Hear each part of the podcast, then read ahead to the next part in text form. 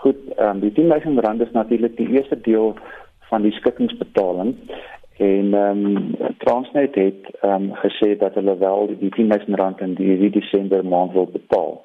Ehm um, ons onthou dat die skikking wat aangegaan is behels 'n 10000 rand bonusbetaling vir die eerste 3 jaar elk en dan ook natuurlik die verhogings wat in plaas vind.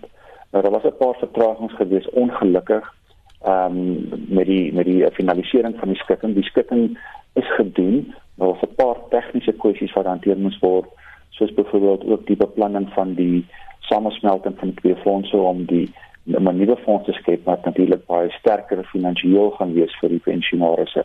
Maar die plan is wel dat ehm um, 10000 rand in die maand betaal word. Ons weet nog nie wat die datum is nie, maar ons sal wel opvolg om uit te vind presies wat dit gaan wees. Ehm um, ek wil ook tog waarsku dat dat altyd vertragings is en dat dit dalk moontlik is dat die dat die geld wel nie hierdie maand betaal kan word nie. Ek wil nie valse verwagtinge skep by die pensionaars nie, maar dis wat Transnet wel onderneem het om te doen. Is die skikking deur al die partye onderteken? Die skikking is inderdaad onderteken deur al die partye. Die twee die, die uh, twee pensioenfonde het geteken uh, met die skikkingsooreenkoms goedgekeur op 24 Oktober van hierdie jaar en daarna het die Transnet direksie die skikkingsooreenkoms goedgekeur op 30 Oktober van die jaar. So behalwe vir die bonus wat ontvang word, wat beteken dit vir die pensionaarsse? Wat is hierdie volle skikking?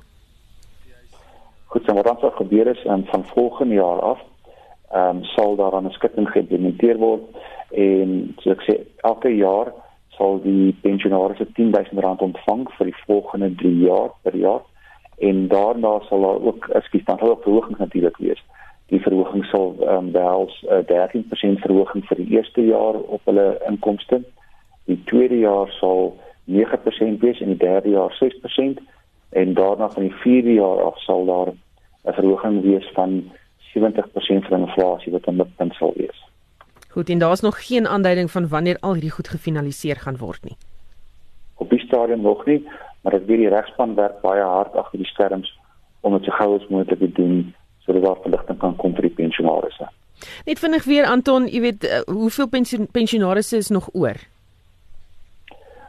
Daar word gereken omtrent so by die 50000 op die stadium.